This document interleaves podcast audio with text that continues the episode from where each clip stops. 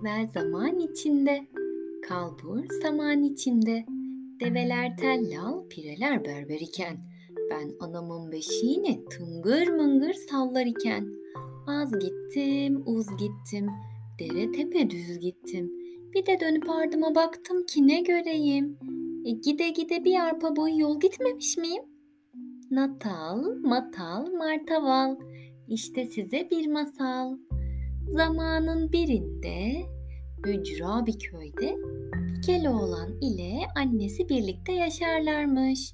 Kara kışın yaklaştığı bir zaman Keloğlan'ın evinde yakacak odun kalmamış. Annesi de onu köyün yakınındaki ormana oduna göndermiş. Keloğlan annesinin sözünü dinlemiş, almış baltasını ormana gitmiş. Bütün gün çalışmış, çabalamış. Derken karnı acıkmış. Aynı zamanda çok da yorulmuş. Bir ağacın gölgesinde oturup çıkınını açmış, anasının yaptığı ekmeklerle karnını bir güzel doyurmuş. Ama öyle yorulmuş, öyle yorulmuş ki Keloğlan karnı da doyunca bir ağırlıktır çökmüş üstüne. Bir uyku bastırmış. Ah, ağacın altında uyuyakalmış. Uyumuş, uyumuş. Uyandığında bir de bakmış her yer kapkaranlık. Eyvah demiş. Ben şimdi nasıl eve döneceğim? Anacığım meraktan perişan olmuştur. Derken odunları bırakıp başlamış yürümeye. Belki evin yolunu bulurum diye düşünmüş. Karanlık ormanın içinde göz görmez. Yürüye yürüye az gitmiş, uz gitmiş gece vakti. Derken bir yol ayrımına gelmiş. Yolun bir tarafında duman tüten bir ev varmış. Diğer tarafında da ışık yanan bir ev varmış. Işık yanan eve doğru mu gitsem, duman tüten eve doğru mu gitsem diye düşünmüş, taşınmış, kel kafasını sıvazlamış. En iyisi ışık yanan eve gideyim. Belli ki onlar hala uyanık diye düşünüp yoluna devam etmiş. Ev yaklaştıkça büyümüş, yaklaştıkça büyümüş. Meğer burası dev anasının dev eviymiş. Keloğlan kapıyı üç kez vurmuş. Tık tık tık. Güm güm ayak seslerini duyan Keloğlan burada devlerin yaşadığına emin olmuş. Ama kapıyı çoktan tıklattım artık dönemem kapıdan diye yüreği ağzında beklemiş. Kapı açılmış. Karşısında dev anasını gören Keloğlan kafasını kaldırmış, baka kalmış. Kadın öyle büyükmüş ki. Keloğlan'ı gören dev anası şaşırıp sormuş. Aa, Keloğlan, keleşi olan, gecenin bu saatinde ne gezersin ormanda? Nasıl geldin sen kapıma? Keloğlan, ah anacığım, vah anacığım, hiç sorma. Ormana oduna gelmiştim ama yorgunluktan dinleneyim derken uyuyakalmışım. Bir uyandım ki gece olmuş. Sonra da kendimi kapında buldum. Bu gece beni misafir eder misin?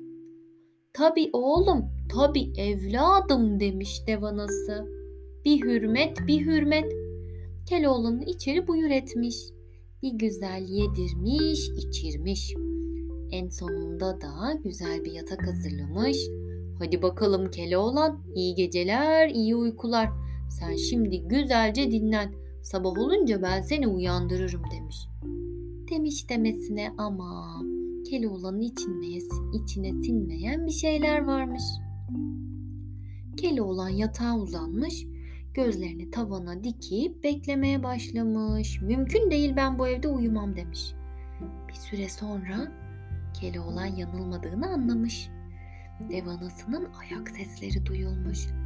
Yavaş yavaş misafir odasına doğru yürüyormuş.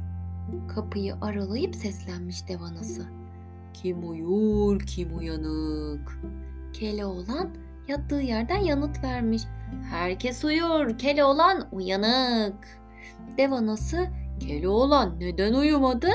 diye sormuş. Keloğlan yattığı yerden kalkıvermiş. Uyumadan önce annem bana yağda yumurta pişirirdi. Onu yedikten sonra uyurdum. Yemezsem mümkün değil uyuyamam. Dev anası gecenin bir vakti hemen kümese koşmuş bunu duyar duymaz. Bir yumurta alıp yağda bir güzel pişirmiş, Keloğlan'a yedirmiş. Keloğlan yumurtayı yedikten sonra tekrar yatağa uzanmış ama uyumamış. Yine gözlerini tavana dikip beklemeye başlamış. Dev anası ocak başına oturmuş, bir süre daha beklemiş. Sonra yavaş yavaş misafir odasına doğru tekrar yürümüş. Kapıyı aralayıp yine seslenmiş. Kim uyur, kim uyanık?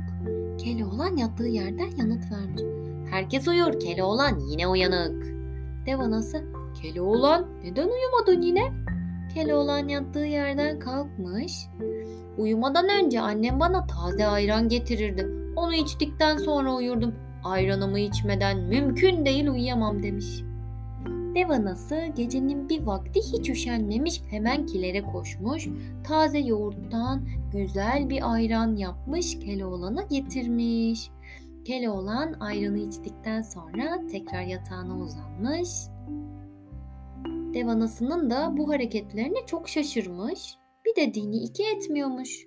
Bunları düşünürken yine uyumamış. Gözlerini tavana dikmiş, beklemeye başlamış.